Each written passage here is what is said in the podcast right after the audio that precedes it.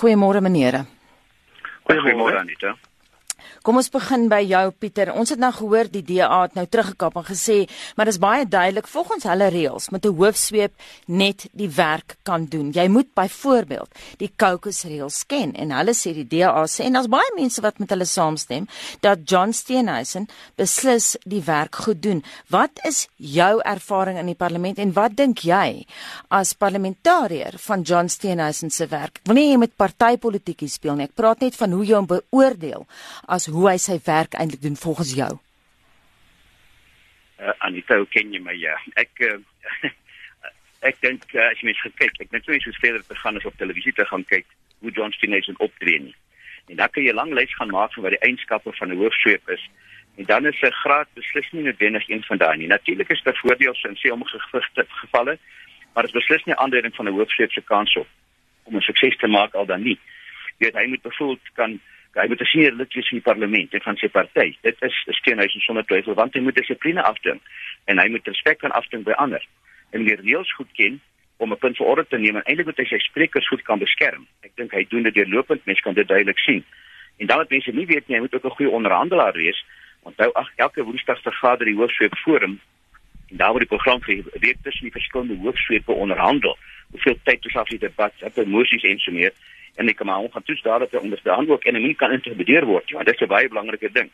So ek dink aan die einde help dit nie net 'n man wat tegnies aan sekere goed voldoen, 'n graad wat 'n dierkundige graad, aptekerkundige graad, maar hy's nie 'n goeie politikus nie. Want dis het eintlik ding wat gaan weet jy, die regte aanvoeling het die regte ervaring om dit te kan doen. Erwin, ek weet jy het jou oor op die grond as dit kom by wat binne die DA gebeur. Daar's baie gerugte nou dat hierdie hele storie eintlik oor binnepolitiek gaan dat daar mense is wat van Steenhuisen ontslaaw wil raak. Ek dink daar's waarheid in die gerugte uh, en as mens kyk na die voorstel dat die hoofsweep 'n uh, um, kwalifikasie moet hê dat dit uit KwaZulu-Natal uitkom, dan uh, kan daar bepaalde aanleidings wees van spanninge binne die DA. Ehm uh, en ek dink 'n mens moet daarna kyk uh, wat die substansie van hierdie be besondere kwessie uh, betref, moet ek sê dat ek is natuurlik 'n voorstander van 'n uh, tersiêre opleiding. Terselfdertyd moet 'n mens ook gaan kyk na wat die rol is wat politici speel. Ehm um, politici het 'n verteenwoordigingsrol, hulle het 'n beleidsvormingsrol en hulle het ook 'n beleidsuitvoeringsrol of oorsigrol. Hulle moet met ander woorde beleid kan voer en ook kan bestuur en verteenwoordig. Nou vir die verteenwoordigingsrol en dan ook die rol aan die parlement in die verband, dink ek is daar nie 'n bestaande universiteitskwalifikasie nie. Dit het te doen met 'n bepaalde aanvoeling, ervaring, uh, bepaalde uh, vermoëns om aan te leer binne die praktyk. So ek dink uh, as 'n mens gaan kyk na hierdie hele situasie, is dit maar 'n vorm van uh, politiekery of dit nou binne die DA is of van die oppositiepartye teen opsigte van die DA.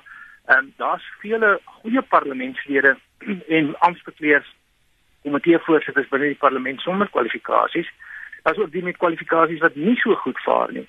En dan het ons ook voorbeelde gehad van byvoorbeeld ministers wat beweer het dat hulle doktorsgraad het en uiteindelik het dit gebleik hulle het nie doktorsgraad nie. Hmm. So ek dink dit is 'n baie a, gemengde beeld en ek dink hier is maar 'n groot mate van uh, politieke opportunisme en 'n poging om om op 'n manier iemand wat in elk geval bekwam voorkom um, en en en en uh, klaar blyklik 'n uh, uh, goeie werk doen wat die oppositie uh, vererg um, op 'n manier te diskrediteer.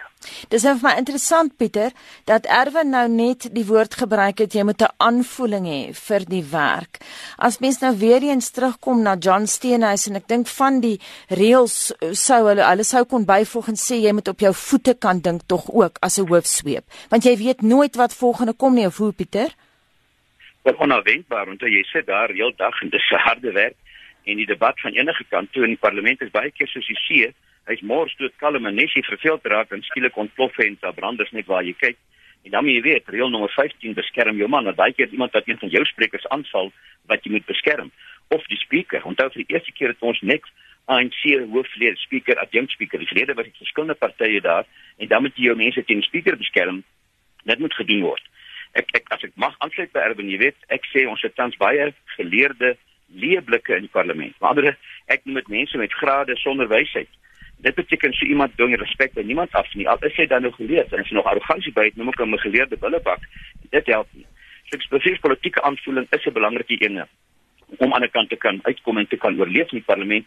Natuurlik sal 'n graad in politieke wetenskap of reg of kommunikasie dit betref jou help, want dit is 'n soort van goed waarmee jy werk. Maar dis beslis nie die vereiste vir sukses nie, die geskiedenis wys ons dit ook. Dis nou ook vir my interessant dat jy die woorde gebruik geleerde leeblikke. Erwin, ek wil teruggaan na jou toe.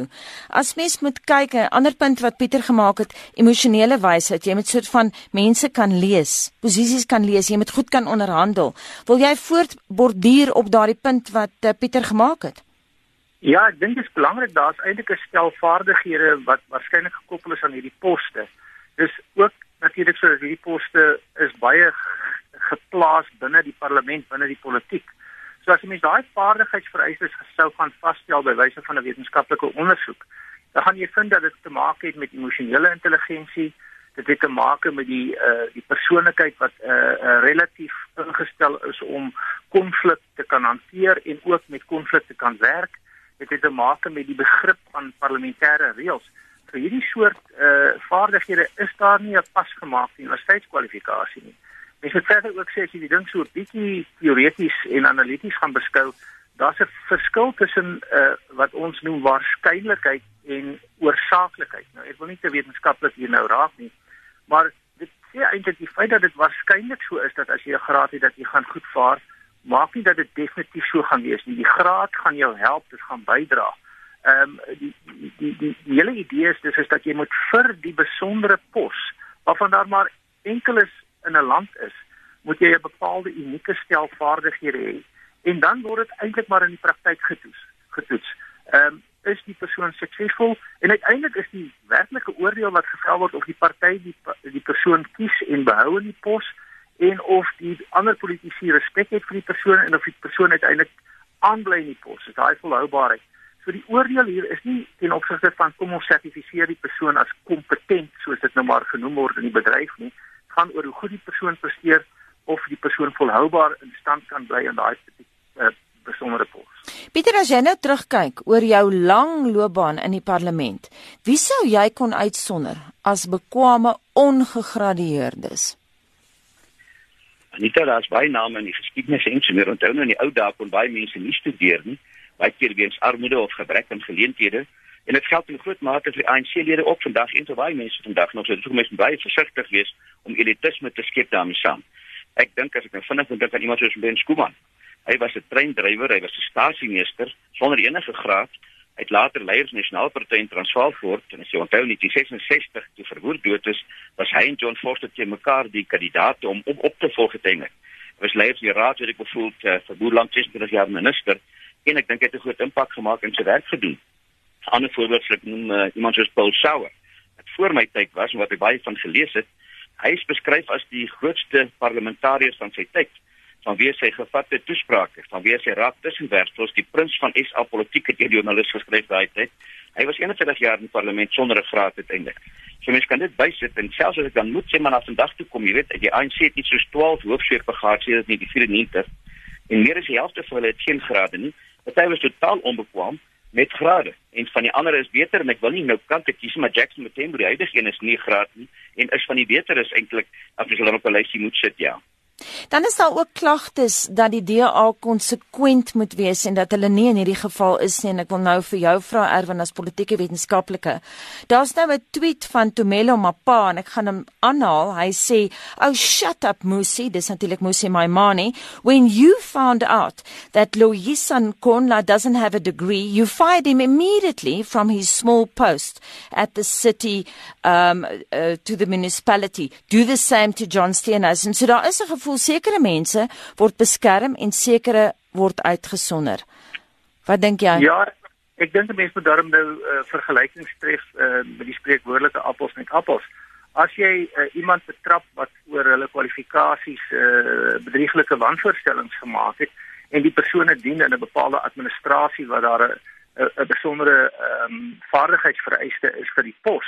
Nou ja, dan is die aard van die saak iets anders as wanneer jy werk met 'n politikus. Terselfdertyd is dit ook so dat politieke partye ehm um, natuurlik eintlik nie altyd konsekwent is nie. Dit gaan daaroor dat wanneer jy die geleentheid het om die oppositie of jou teenstanders op 'n manier te diskrediteer vir politieke redes, dan vind jy 'n rede om dit te doen.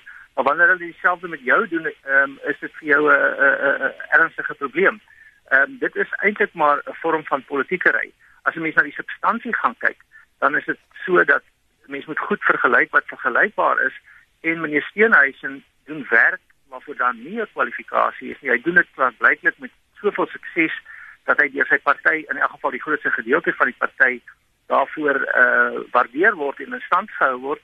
So ek dink hier gaan maar altyd 'n kwessie of, of so wees. Meneer Malema was afhangende van hoe mense sukses definieer uh dan nou op 'n of ander manier as die EFF hulle sukses sal definieer was hy waarskynlik dan suksesvol binne die parlement maar hy het verlang nie 'n kwalifikasie gehad nie. Hy het dit nou maar later aangevul. Miskien moet meneer Steenhuisen dit oorweeg om verder te gaan studeer.